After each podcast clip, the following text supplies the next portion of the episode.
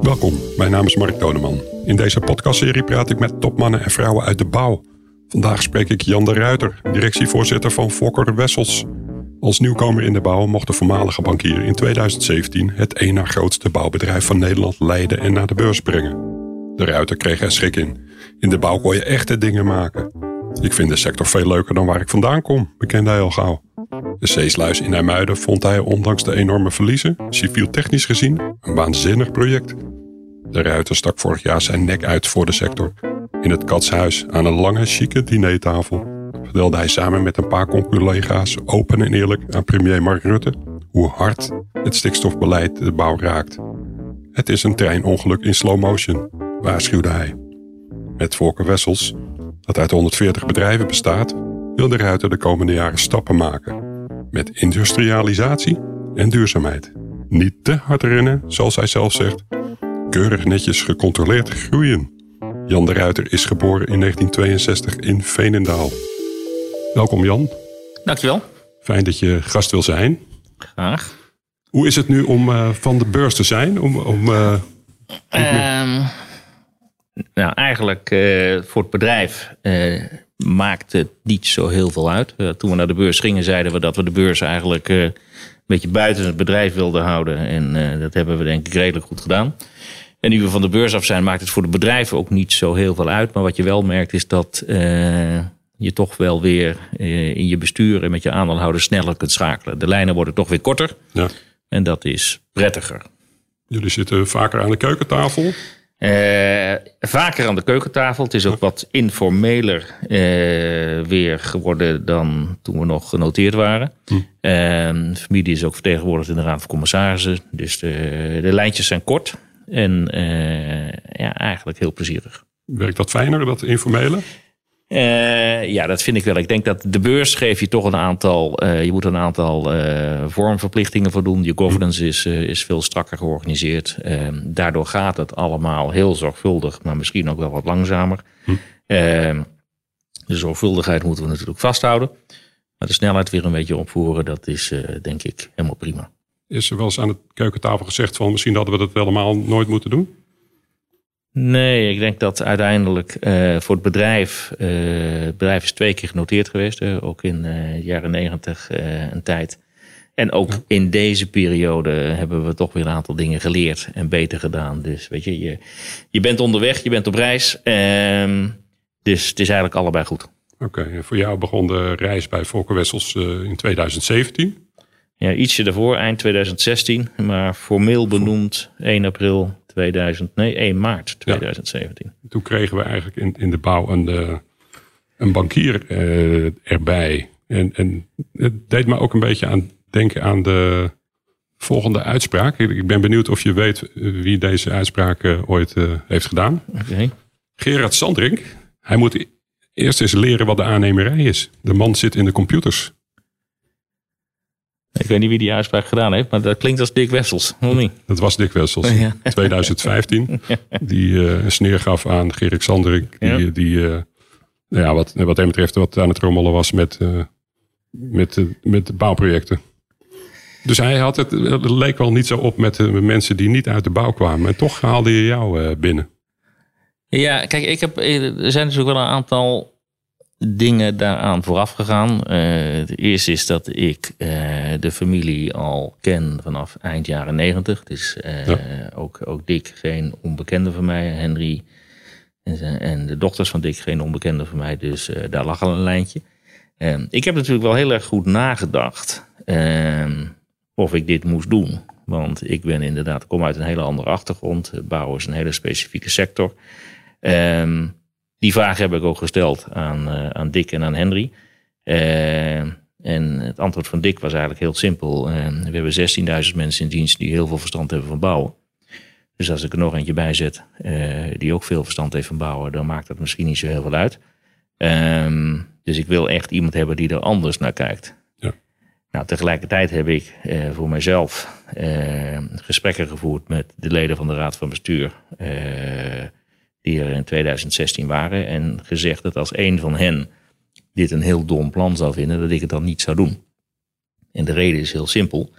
de afstand die ik heb tot de ervaring van mijn collega's in de bouw, die ga ik natuurlijk nooit meer inhalen. Ik ben 58. Ehm, maar dat neemt niet weg dat je vanuit een ander perspectief er naar kijkt. Ehm, toch lerend vermogen hebt. Je, je, je, leest en je ziet en je kijkt. En, wat, is, wat is jouw andere perspectief?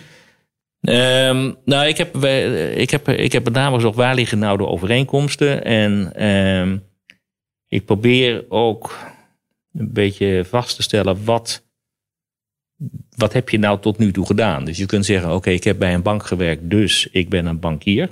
Um, dat is waar. Maar je kunt ook zeggen, ik heb leiding gegeven aan hele grote organisaties. Ik heb hele grote transformaties gedaan. Eh, eh, na de overname van ABN AMRO en het verder afbouwen van RBS in Nederland. Eh, heb ik ook met vakbonden aan tafel gezeten. Heb ik ook met ministers aan tafel gezeten. Uh, allerlei dingen gedaan op bestuurlijk niveau om zaken in uh, bepaalde banen te leiden. Dus toen ik in 2015 stopte uh, bij RBS omdat ik dacht, nou is het ook tijd om zelf wat anders te doen. Heb ik voor mezelf een aantal, eh, hoe zou ik dat zeggen, punten opgeschreven. Eh, waarvan ik dacht, die wil ik eigenlijk in een volgende baan terug zien komen. Eén eh, daarvan was dat ik graag iets wilde doen wat ingewikkeld was. Dus ik, wil, en, en ik hou van puzzelen. Hm. Dus als het een beetje ingewikkeld is, dan vind ik het interessant worden. Ehm, ik wilde op een positie zitten dat ik wel het verschil kon maken. Ja. Ehm, heb toen ook gezegd dat ik niet voor een publiek bedrijf wilde werken, een beursgenoteerd bedrijf wilde werken. Want daar was je niet zo goed in. Nou, ik wist wel, omdat ik, ik heb natuurlijk best veel ervaring gehad met bedrijven naar de beurs brengen. En ik weet dat als je naar de beurs gaat, dan komen er een aantal extra elementen bij. Uh, en je zit in een glazen huis, die maken het een stuk ingewikkelder. Niet noodzakelijkerwijs slechter, maar ingewikkelder. Maar goed, zo had ik geloof ik vijf specifieke factoren. En toen dacht ik, nou weet je, als ik er nou in mijn volgende maand vier van de vijf kan afspreken, afstrepen, uh, dan hebben we het goed gedaan. Maar ik heb me heel nadrukkelijk gezegd van, ga dan niet vertrekken vanuit de positie, je bent bankier, dus je volgende baan is ook weer een bankier. Probeer één niveau hoger te kijken, wat heb je nou eigenlijk gedaan? En kan je dat ook op andere organisaties toepassen. Ja. Nou, toen heb ik niet gedacht aan Volker Wessels. Uh, de metafoor die ik voor mezelf had bedacht was Schiphol. Dat leek mij nou een, uh, een leuk bedrijf. Ja. Niet te groot, internationaal. Uh, je grootste klant uh, is KLM en daar gaat het de ene keer beter mee dan de andere keer. Dus dat maakt het ingewikkeld. Uh, je grootste klant kan zich verplaatsen, letterlijk jij niet. Uh, je hebt gedoe met omwonenden, dat moet opgelost worden. Het is een interessante casus en ook nog maatschappelijk relevant. Dat was er ook van één. Ehm, sollicitatiebrief gestuurd? Ik heb geen sollicitatiebrief gestuurd, maar ik weet wel dat ik destijds naar Jos Nijhuis gegaan ben in mijn afscheidstournee. En tegen Jos gezegd heb, die toen ook al bezig was om te vertrekken, dat mocht jij weggaan en je zoekt iemand, dan mag je mij rustig bellen. Ja. Dat is overigens niet gebeurd, eh, waarvan akte. Eh, maar toen was ik ook al bij, bij Volker Wessels aangetreden. Maar daar had een belletje misschien uh, nog uitgemaakt? Nee, Nee, dan, ik, had, ik had me al gecommitteerd aan Volker Wessels. En, uh, en het was ook meer wat ik zeg, een metafoor voor wat ga je daarna doen. En ik, ik, ik spreek best veel mensen die op, uh, op kruispunten staan in hun carrière. En zeg, probeer je nou niet vast te leggen van ik heb dit gedaan, dus ik kan alleen maar dit. Ik denk dat mensen veel meer kunnen. Uh, maar dat je wel voor jezelf moet proberen te definiëren wat is dan inhoudelijk wat je in die, in die oude baan gedaan hebt. Kom je nog een keer zo'n kruispunt tegen? Of, of denk je nu, ik ga nu uh, in een vrij rechte lijn? Uh... Weet je, als je in mijn uh, cv graaft, ik ben niet zo'n carrièreplanner. Ik wil ook niet zeggen dat alles mij overkomt. Maar ik heb me ooit voorgenomen dat als je van de ene baan naar de andere baan gaat, dan is het prettig als er iets is vanuit je oude baan wat je mee kan nemen naar je nieuwe baan. Dat er een soort van logisch patroon in zit. Maar ik, uh, weet je, ik ben nu hiermee bezig en uh, hartstikke leuk. En uh, in de toekomst, ja, weet je, dan zien we wel weer.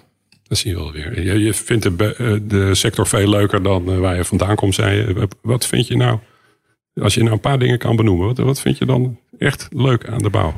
Nou, ik heb, wat ik ontzettend leuk vind aan de bouw, is dat je gewoon dingen maakt. Hm. Dus het is, weet je, als je in, in, de, in het bankwezen hebt gezeten, dan is het eigenlijk helemaal diensten. Ja. Uh, dus het dichtst bij maken is een uh, glanzende PowerPoint-presentatie. Maar in de bouw maak je echt dingen. En daar kan je tegenaan duwen. Daarnaast eh, zijn de mensen in de bouw ontzettend leuk. Het is erg eh, down to earth. Het is heel erg pragmatisch. Eh, ja, nou, ik ben wel een mensenmens, durf ik te zeggen. Dus dat vind ik ook heel erg leuk. Jij bent ook En dicht eh, bij de grond. Ja. Ja. ja. Dus dat, het zijn eh, meer jouw type mensen misschien wel dan de Nou, financiële ja, niet, weet je, eh, dat wil ik niet zeggen, want ik heb met ontzettend veel plezier eh, bij ABN AMRO gewerkt en eh, daarna bij RBS. Eh, maar dit is ook weer heel erg leuk. Dus in die zin eh, pleit ik, eh, denk ik, vind ik eigenlijk, eigenlijk een heel bevoorrecht mens ben. Ik heb in een hele leuke periode in het bankwezen gewerkt. Toen het bankwezen in mijn optiek nog echt heel erg ondernemend was. Ehm, ik ben in 2015 weggegaan. eh, toen die financiële crisis eh, al wel wat aan het, eh, aan het, aan het afkalven was. Ja, en de sector is, is nu overgereguleerd. En ondernemen in het bankwezen is best wel ingewikkeld. Hm. Weet je, je krijgt allerlei heffingen op je. Er zijn bankbelastingen. Ik geloof dat de bankensector in Nederland een, een, een belastingdruk heeft van tot bijna 40 procent. Ja, dan kan je ook niet zoveel meer doen. Dus bouwen is veel beter. Dus bouw is leuker. Bouw is Ja. op dit moment veel leuker. Nog even terug naar jouw eh, persoon. Je bent geboren in Veenendaal. Ja. Het christelijke Veenendaal. Ja. Eh, zelf ook een christelijke achtergrond trouwens? Of- Eh, Nederlands hervormd. Wat Nederlands overigens hervormd. in het Veenendaal van toen, en dan praat ik over de jaren 60 en 70, waren wij echt, nou ik wil niet zeggen heidens, maar wel heel licht. Eh, want je had dan wel wat zwaardere soorten. Maar ik heb daar eigenlijk altijd met verschrikkelijk veel plezier gewoond. Een hele gezellige jeugd gehad. Dus, eh, Je was de zoon van een ondernemer in eh, textiel. Ja. Die ook wethouder eh, was in de gemeente. Ja, mijn vader had een, had een textielgroothandel. eh, die hij zelf heeft opgedoekt. Want die groothandels werden er natuurlijk op een bepaald moment tussenuit gesneden. Toen is hij eh, gaan studeren. eh, eigenlijk wat hij altijd al wilde aan de Sociale Academie. Is hij maatschappelijk werker geworden. En is hij uiteindelijk zijn vader, mijn opa, opgevolgd als wethouder in Venendaal. Zolang mijn opa wethouder was, mocht hij niet in de gemeenteraad. Eh, Dat mogen duidelijk zijn. Maar toen mijn grootvader ermee stopte, is hij een dag daarna verkozen. Wat toen nog het CAU was, dus wel de christelijke, wat was het, de historische unie geloof ik. Ehm, en is, denk ik, twaalf jaar lang wethouder van Financiën geweest in, eh in Veenendaal. Wat toen een, eh, nou, echt een Vinex gemeente was, hè? Booming, eh, booming Veenendaal. Ja, ja. En mijn moeder is ook ondernemer, die heeft altijd in de detailhandel gezeten. Dus ik kom wel uit een gezin waar, eh, waar het ondernemen met de paplepel werd ingegoten. Maar ook een beetje wat jij zelf ook dus hebt. Je wilt het verschil maken. Dat, Mijn vader wilde heel erg, ja, mijn vader zat heel erg, die, was, die zei altijd: Ik ben links van het midden georiënteerd, maar was wel heel zakelijk. Eh, ik geloof dat hij de eerste wethouder was in Veenendaal die een jeugdcentrum failliet heeft laten gaan, omdat ze gewoon echt een puinhoop van maakten. Maar, dat, eh, maar wel heel helder, maar wel, met een, eh, maar wel met een hele brede maatschappelijke blik. Oké, en dat, dat heb jij een beetje meegenomen. nou, dat, dat, moeten anderen, dat moeten anderen beoordelen, dat moet je nooit van jezelf zeggen. Maar Nou ja, in ieder geval de betrokkenheid de- de- sinds jij directievoorzitter bent van Fokker Wessels met de bouw. Die is eh, toch wel eh, te zien. Hè? Eh, ook als je praat over, over dingen die er gebeuren met de bouw. Zo, zo gaf je bijvoorbeeld aan de, toen de stikstofcrisis de bouw binnendrong. Van, een- ja, we hebben te maken met een treinongeluk in slow motion. ja. Hoe, hoe werd daarop gereageerd eh, in de sector eigenlijk? Nou, en de, de sector, dat verbaasde me een beetje. De sector die reageerde in eerste instantie een beetje van... eh, het kan toch niet waar zijn dat Volker Wessels er zo negatief in staat. Eh, Ik weet nog, dat was ook niet bedoeld. We waren toen nog genoteerd en onze koers maakte een enorme duikeling. En de koersen van Heijmans en BAM veel minder. Dus in eerste instantie werd ons wel verweten dat, dat wij daar te negatief over waren. Maar goed, ik denk dat met de kennis van vandaag eh, we toch wel kunnen vaststellen dat eh, met name eh, binnen de infrawereld stikstof een enorme impact heeft op, op werkaanbod. Ja. De stikstof is voor de bouw een groter probleem dan corona tot op heden. Hoe, als je nu het nog datzelfde voorbeeld erbij haalt, hè, de treinongeluk in slow motion. Waar zijn we nu zeg maar in die scène van die trein? Ik denk dat die, die trein die begint zich volgens mij nu wel, eh, wel redelijk eh, eh, tegen de stootblokken aan te kreukelen. Ehm, ik denk wel dat het voordeel nu is dat de meeste betrokkenen het er wel over eens zijn dat dit voor de bouw echt een heel negatief scenario is. En ik maak me daar ook best wel zorgen om dat het werkaanbod binnen infra hier, hier, hier van te lijden zal hebben. Ik vind het verbazingwekkend dat dat niet sneller wordt opgepakt. Hè. Eh, er wordt heel erg gekeken naar de boeren en allerlei maatregelen die daarvoor getroffen moeten worden. Maar de eerlijkheid gebied je te zeggen dat ik nog geen boer ben tegengekomen die één liter melk minder verkocht heeft als gevolg van, van de huidige stikstofproblematiek. Terwijl er redelijk veel aannemers zijn die hier al echt heel veel last van hebben. En de stikstofdrempel die nu uh, eruit zit te komen? Kijk, we hebben heel, we hebben heel erg beijverd um, voor die drempelwaarde. Dus we hebben ook ons actief uh, uh, gewend tot, tot de commissie Remkes. Aangegeven wat wij graag willen. Dus we hebben gezegd, wij zijn een groot voorstander van het elektrificeren en stikstofneutraal maken, CO2-neutraal maken van materieel. Um, maar dat moet dan wel langs de weg der geleidelijkheid. En het zou ons een lief ding waar zijn als we dat gewoon wettelijk kunnen verplichten, zodat het ook voor iedereen geldt. Hè. Dan hou je dat level playing field in stand. Het zou helpen als dat fiscaal ondersteund wordt door versneld afschrijven. Uh, want je moet natuurlijk van je oude materieel af. Uh, we hebben die no-nox filter ontwikkeld. Uh, moet eerlijk zeggen, dat hadden we natuurlijk ook niet gedaan. Op het moment dat het hele bad zich niet had, zich niet had voorgedaan. Een stikstoffilter, ja. Stikstoffilter is, is, is nu beschikbaar voor zowel stilstaand als rijdend materieel. Dus in die zin kunnen we op heel veel projecten al uh, stikstofloos of stikstofarm bouwen. Dus dat gaat allemaal de goede kant op.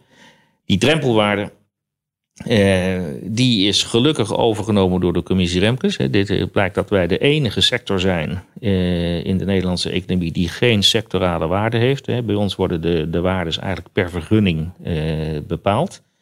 En op het moment dat je de waarde ook, een drempelwaarde ook voor, voor de bouw vaststelt, dan kunnen heel veel projecten zonder die omgevingsvergunning aan de slag. En dat zou natuurlijk uh, qua versnelling enorm helpen. Maar er komt eerst een onderzoek, dus het duurt nog allemaal even voordat het allemaal je, aan de gang gaat. Het is, kijk, ik, uh, ik wil niemand tekort doen, maar het is natuurlijk wel een beetje dat we een beetje verdwaald zijn in deze discussie. het is allemaal op de vierkante centimeter. Kijk, het ongeluk van dat stikstof, dat is al lang gebeurd. Dus de stikstofdepositie in Nederland is te hoog. En dat weten we en daar moeten we wat aan doen. Die is overigens minder hoog dan 20 jaar geleden. Dus we zijn al best heel lang succesvol bezig om die depositie te reduceren. Maar het gaat niet snel genoeg. En ook daar, dat klopt, heeft de, uh, de agrarische sector al een hele grote bijdrage geleverd. Dus de beeldvorming dat er niks gebeurt is onjuist. Er gebeurt heel veel. Maar het zou sneller moeten. Wat Nederland doet, Nederland koppelt de vergunningverlening aan de bestaande situatie. En als je dus vaststelt dat de bestaande situatie een probleem is, dan wordt iedere vergunning die je daaraan, uh, die je daaraan moet koppelen, wordt een probleem. Uh, wat ook kan, en wat veel landen om ons heen doen, en wat volgens mij ook juridisch kan, uh, volgens die Habitat 2000-richtlijn, is dat je de bestaande situatie loskoppelt van wat je vergunt op dat moment. En dan is de, de, de drempel eh, vanuit de wet dat je niet iets mag doen wat een significante verslechtering is ten opzichte van de bestaande situatie. Maar hoe jij significant definieert, dat is aan jou. Hm. Nou, daar zie je hele grote verschillen tussen verschillende landen. Nou, wij hebben, tot op heden hebben wij significant eh, gedefinieerd als geloof 0,01 mol per hectare. Dus dat betekent dat alles wat je doet is significant.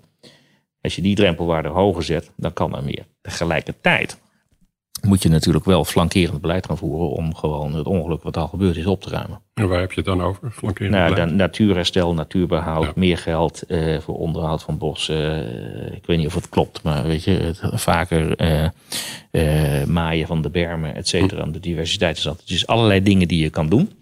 En uiteindelijk is natuurlijk de enige oplossing dat als je naar het verkeer kijkt, dat we elektrisch gaan rijden. Dan hebben we de uitstoot Misschien op een andere plek, bij een kolencentrale of op een uh, elektriciteitscentrale uh, gas gestookt. Maar daar kan je mogelijk uh, de uitstoot beter beheersen. Oké, maar alles bij elkaar zeg je van na de zomer moet je er toch gewoon wat besluitvaardiger misschien zijn en snel een klap op nou ja, geven. En, en, ja, en, besluitvaardiger en, en, en wat praktischer zijn. Door vooral eens een keer te kijken wat nou wel kan, in plaats van iedere keer te kijken naar wat niet kan. Ja. Want ik denk dat we aan het eind van de rit, kom ik tot de conclusie, we, zijn, we lijken wel de enige in Europa te zijn met dit probleem. Terwijl de Habitat 2000 richtlijn uh, voor, voor de hele EU geldt. Hm. Nou klopt het dat als je naar stikstof kijkt, dat er drie hele grote probleemgebieden in Europa zijn. Dat is de, de Po-vlakte in Italië, het Roergebied in Duitsland en Nederland. Dat klopt. Maar tegelijkertijd, uh, een van de dichtstbevolkte landen uh, van de wereld, een postregeltje. we moeten niet in de situatie terecht gaan komen dat we echt onze, zoals Maxime Verhagen dat we ooit zei, onze eigen recessie gaan organiseren. Terwijl, we, eh, terwijl de oplossing eh, ja, niet noemenswaardig bijdraagt aan het probleem wat we hier hebben. Maar dat hebben we eigenlijk al gedaan, die recessie organiseren. En straks zal blijken dat de oplossing misschien zodanig eenvoudig was dat het. Nou, het zal, het zal nooit eenvoudig zijn, maar ik denk dat je op een bepaald punt moet zeggen: maar luister, laten we nou uh, op een, op een, op een op een discussie gaan zitten die en-en is. Dus ik wil helemaal niet in een situatie terechtkomen of dit of dat. Heel vaak, als je een beetje doordenkt, is de oplossing vaak en-en. Ja, meer geld naar natuurbeheer. Ja, proberen sneller te elektrificeren. En tegelijkertijd uh, zorgen dat de bouw uh, aan de gang blijft. En dat, uh, dat we niet in een, met name binnen de infra, in een, in een situatie terechtkomen dat we heel veel werkuitval hebben.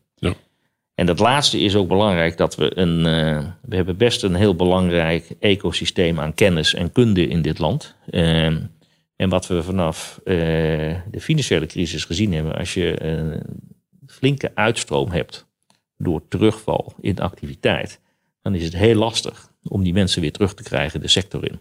En dat is tot op de dag van vandaag nog niet gelukt. Dus we moeten wel zorgen dat, dat we het een beetje aan de gang houden. Er zit een hele grote katalysator op bouwuitgaven. Eh, ik geloof bijna drie, dus een euro in de bouw krijg je maal drie terug in de economie. Eh, toegevoegde waarde van de bouw is heel erg groot. Dus het is best een sector eh, die ook in onzekere economische tijden kan bijdragen aan economische stabiliteit. Maar je zegt eigenlijk al dat die locomotief is al een beetje aan het indeuken. Uh, dus ja. in die zin uh, gaat er sowieso schade ontstaan. Ja, maar, maar kijk, ja. het kan nog erger. Dus, dus nou ja, kijk, het is, uh, het is, die, die, uitspraak van de Raad van State was volgens mij midden mei 2019. Ja. 19 mei uit mijn hoofd.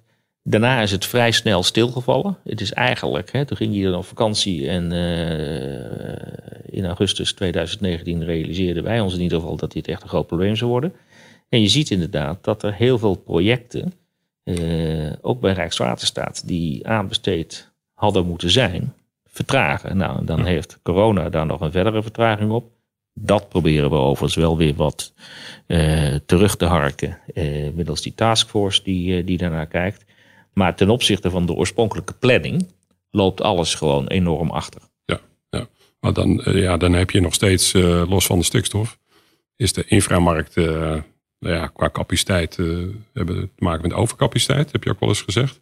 En je hebt ook een keer aangegeven van ja, de grote infraprojecten, uh, dat is gewoon een lastig bedrijfsmodel. Uh, dus het blijft. Ja, nou ja, het is een lastig bedrijfsmodel. Ik denk dat uh, ook daar is. Ehm, ik denk dat, dat dat hebben we misschien ook deels aan onszelf te danken. Ehm. Wie is onszelf? Nou, de, de sector zelf. Kijk, het is, een, het is een lastig. Ik vind het een lastig bedrijfsmodel, met name op de, op de complexe geïntegreerde werken. Omdat je uiteindelijk uh, een, uh, een langjarig project uh, met uh, een hele hoge aanneemsom. Hè, als je kijkt naar projecten van 6, 7, 800 miljoen doorlooptijden vanaf aanbesteding, eh, vanaf, eigenlijk vanaf tenderen tot oplevering, kan maar zo tussen de 8 en de 10 jaar zijn. En het is eigenlijk de opgave dat je dat project op een bepaald tijdstip in de toekomst moet laten landen. De opleveringsdatum is 1 oktober 2028 om 12 uur. Uh, en dan moet je het financieel uh, binnen 3% zien te krijgen, of binnen 5% zien te krijgen, of uh, wat je winstmarge dan ook moet zijn.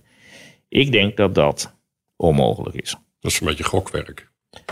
Nou ja, het is gokken. Het is, het, is, het, is, het is minder dan gokken. Maar er zitten, je probeert dat natuurlijk te calculeren. Maar wat je wereldwijd ziet is dat het dus buitengewoon lastig is. Eh, er wordt gezegd dat heel veel eh, complexe infrastructuurwerken eh, niet binnen de tijd en niet binnen het budget worden gerealiseerd.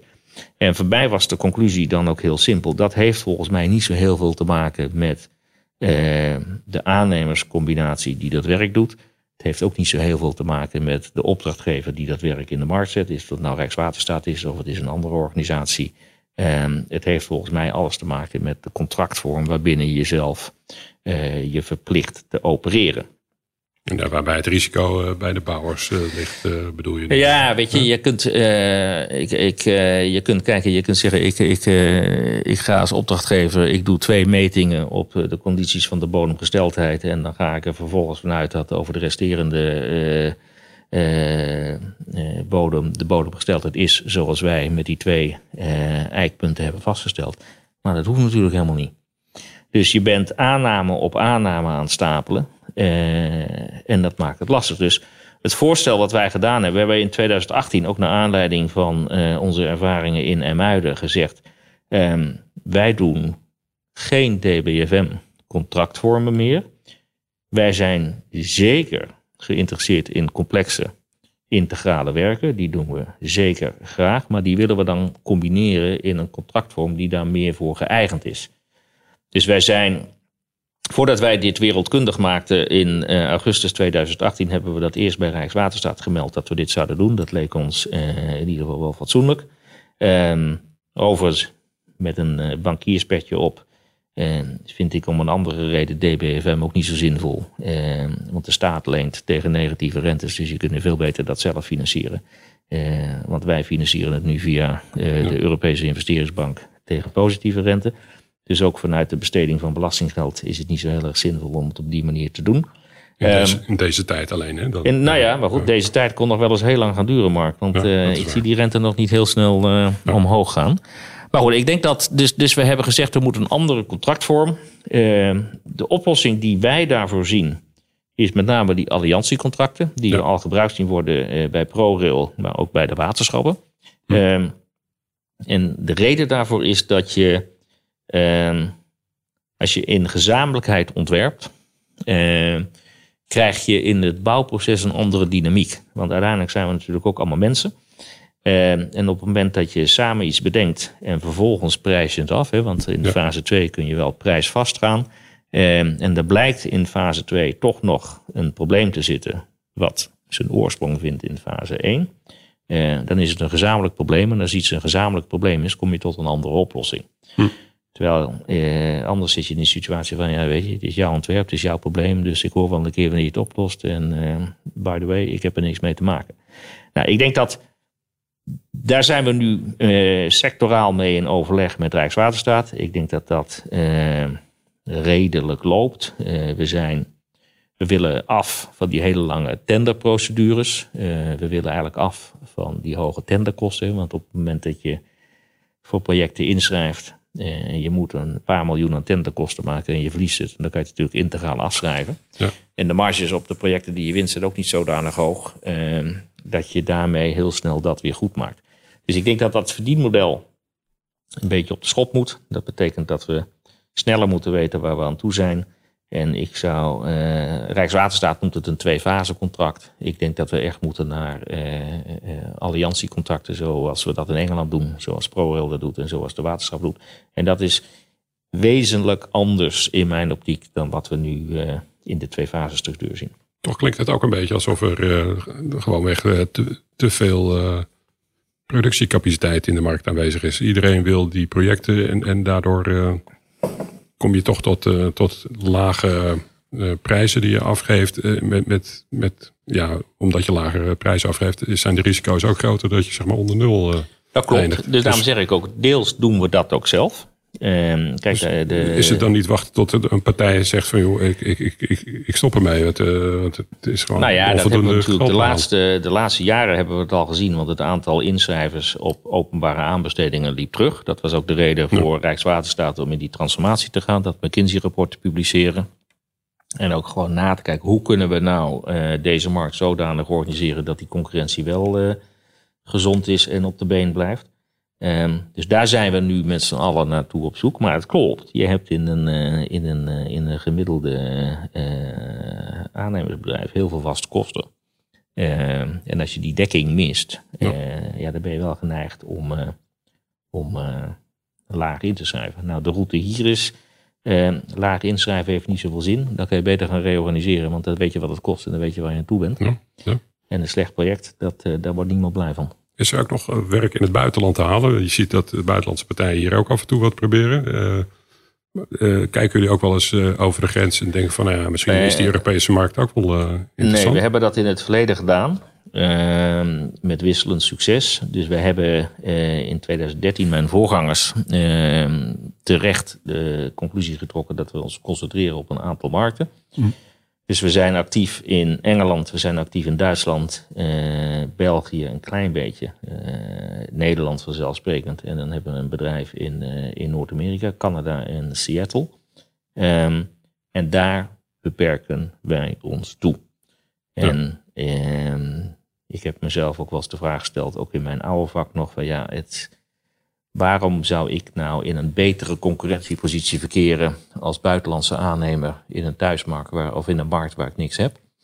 Eh, dus moet ik naar Frankrijk gaan, ben ik, kan ik nou concurreren tegen, tegen de Franse lokale aannemers? Ja, maar de buitenlandse partijen denken dat ook en die wagen soms die gok hier in ja. in Nederland. Ja. Zijn ze, waarom zullen, zullen ze dat doen?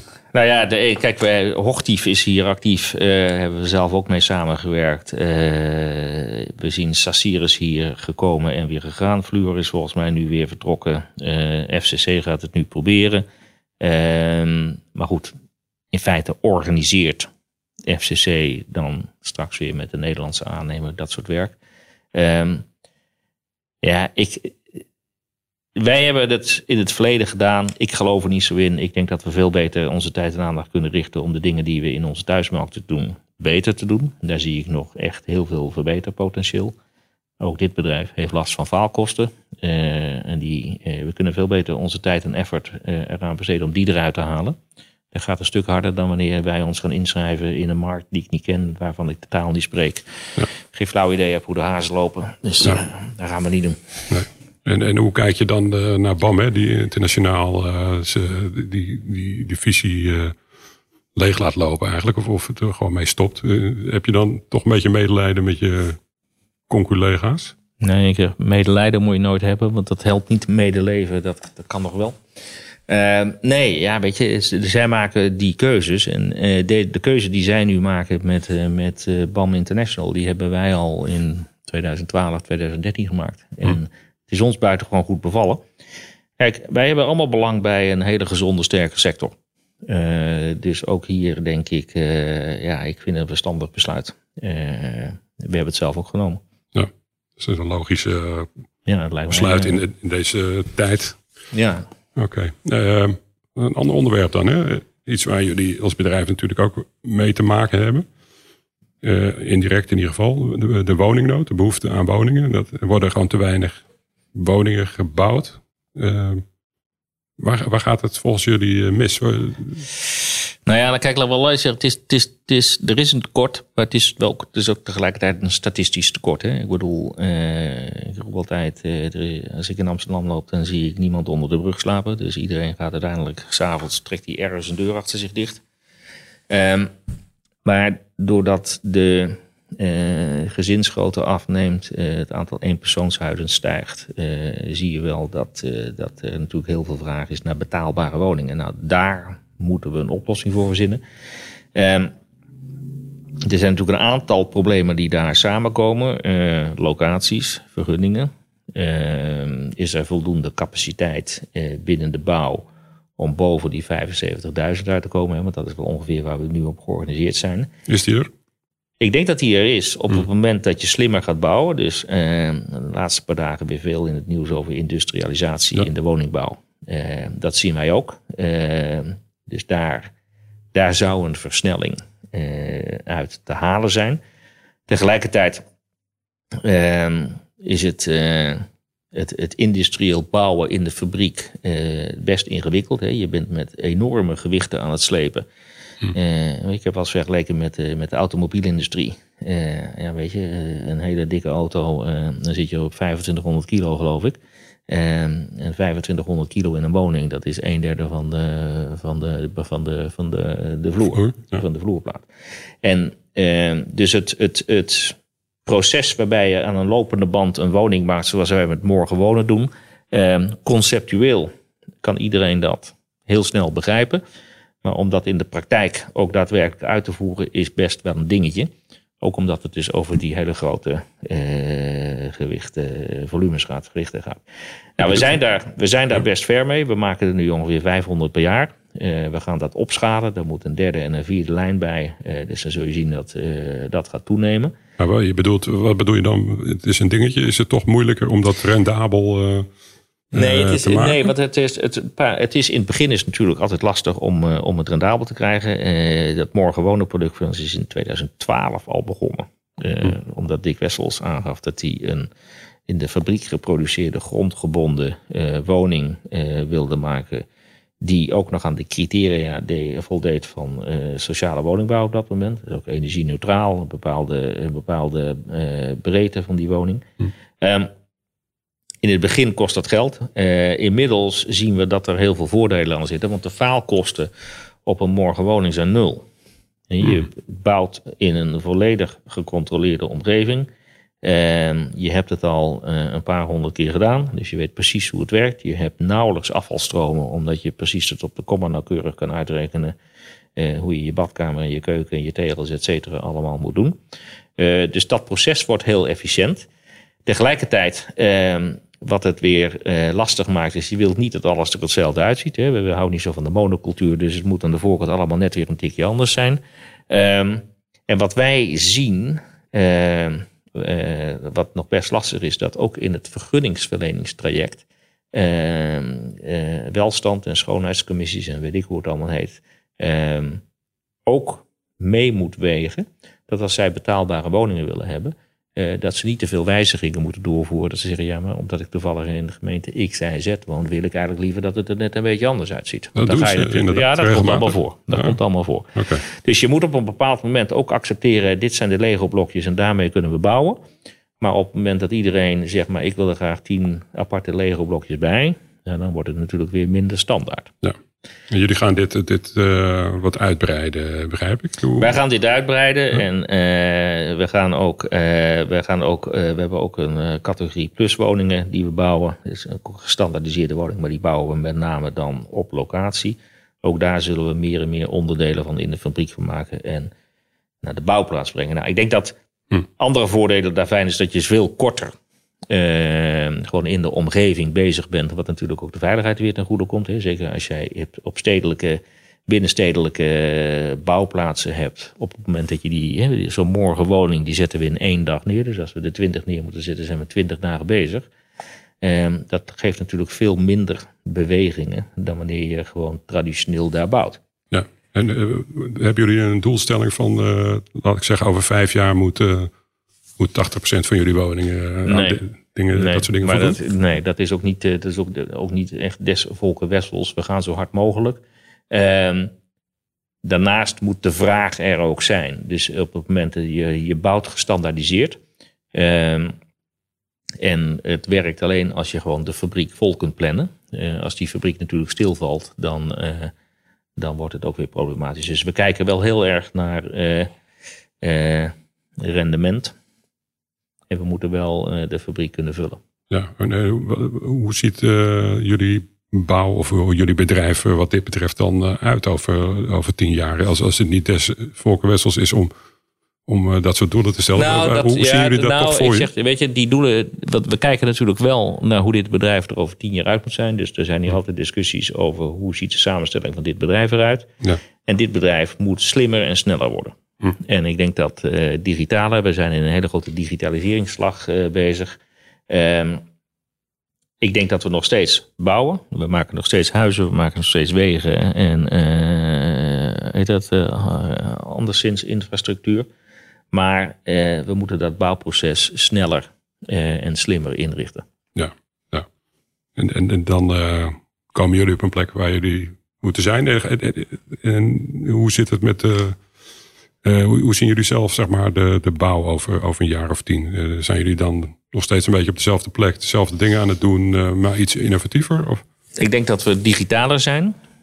Ik denk ook dat we een hele grote stap gemaakt hebben in industrieel bouw. Dus ik denk inderdaad dat, dat het, het aandeel van industrieel gebouwde woningen, of zowel grondgebonden hm. als in appartementscomplexen, toegenomen zal zijn. Maar dat is overigens een trend die echt al een hele tijd gaande is. Hè. Er zit natuurlijk ook een grote vorm van definitiekwestie in. Ja. En op het moment dat je uh, ik weet nog dat ik in, uh, in 2000 zat ik net op de Zuidas in het uh, toen nieuwe ABN kantoor. En toen werd Symphony gebouwd, die oranje torens. Ja, daar werd ook per week werd daar een verdieping opgezet en de gevels ingehezen waar het glas al in zat. en die gevels kwamen volgens mij van de Westo af. Ehm, ja, dat was ook al een vorm van industrieel bouwen die natuurlijk gewoon door evolueert. Dus het is niet zo dat we met z'n allen opeens iets verschrikkelijk nieuws aan het doen zijn maar ontwikkelt verder en verder en verder. En het wordt steeds meer, uh, ja, hoe zeg je dat, sleutelklaar. Uh, weet je, elektra zit erin, we hoeven alleen nog maar de leidingen aan te klikken. Dus het wordt slimmer. Daardoor wordt het sneller, faalkosten naar beneden. Uh, maar dat betekent dat uh, ook de omgeving daarin mee moet. Ja, ja. Oké. En, en dat is dan over tien jaar. Dus nog, nog iets beter dingen doen die we eigenlijk al ja. deden. Ja. Zit jij dan nog bij Fokker Wessels, denk je? Nou, dan ben ik 68, dus dat... Dan mag je het, misschien in die tijd vermoeden, door. Het vermoeden is van niet. Okay. Dan, dan laat ik het zo zeggen, dan is er wel wat misgegaan. Oké. Nou. Nee, over tien, ik denk over tien jaar dat we meer in hout bouwen. Ik denk daar zijn we ook heel nadrukkelijk mee bezig. Dat, uh, dat scoort natuurlijk ook hoog op duurzaamheid als je het goed doet. Dus ik denk dat dat ook een. Uh, zie je in het buitenland natuurlijk al heel veel. In Nederland is het wat ongewoon.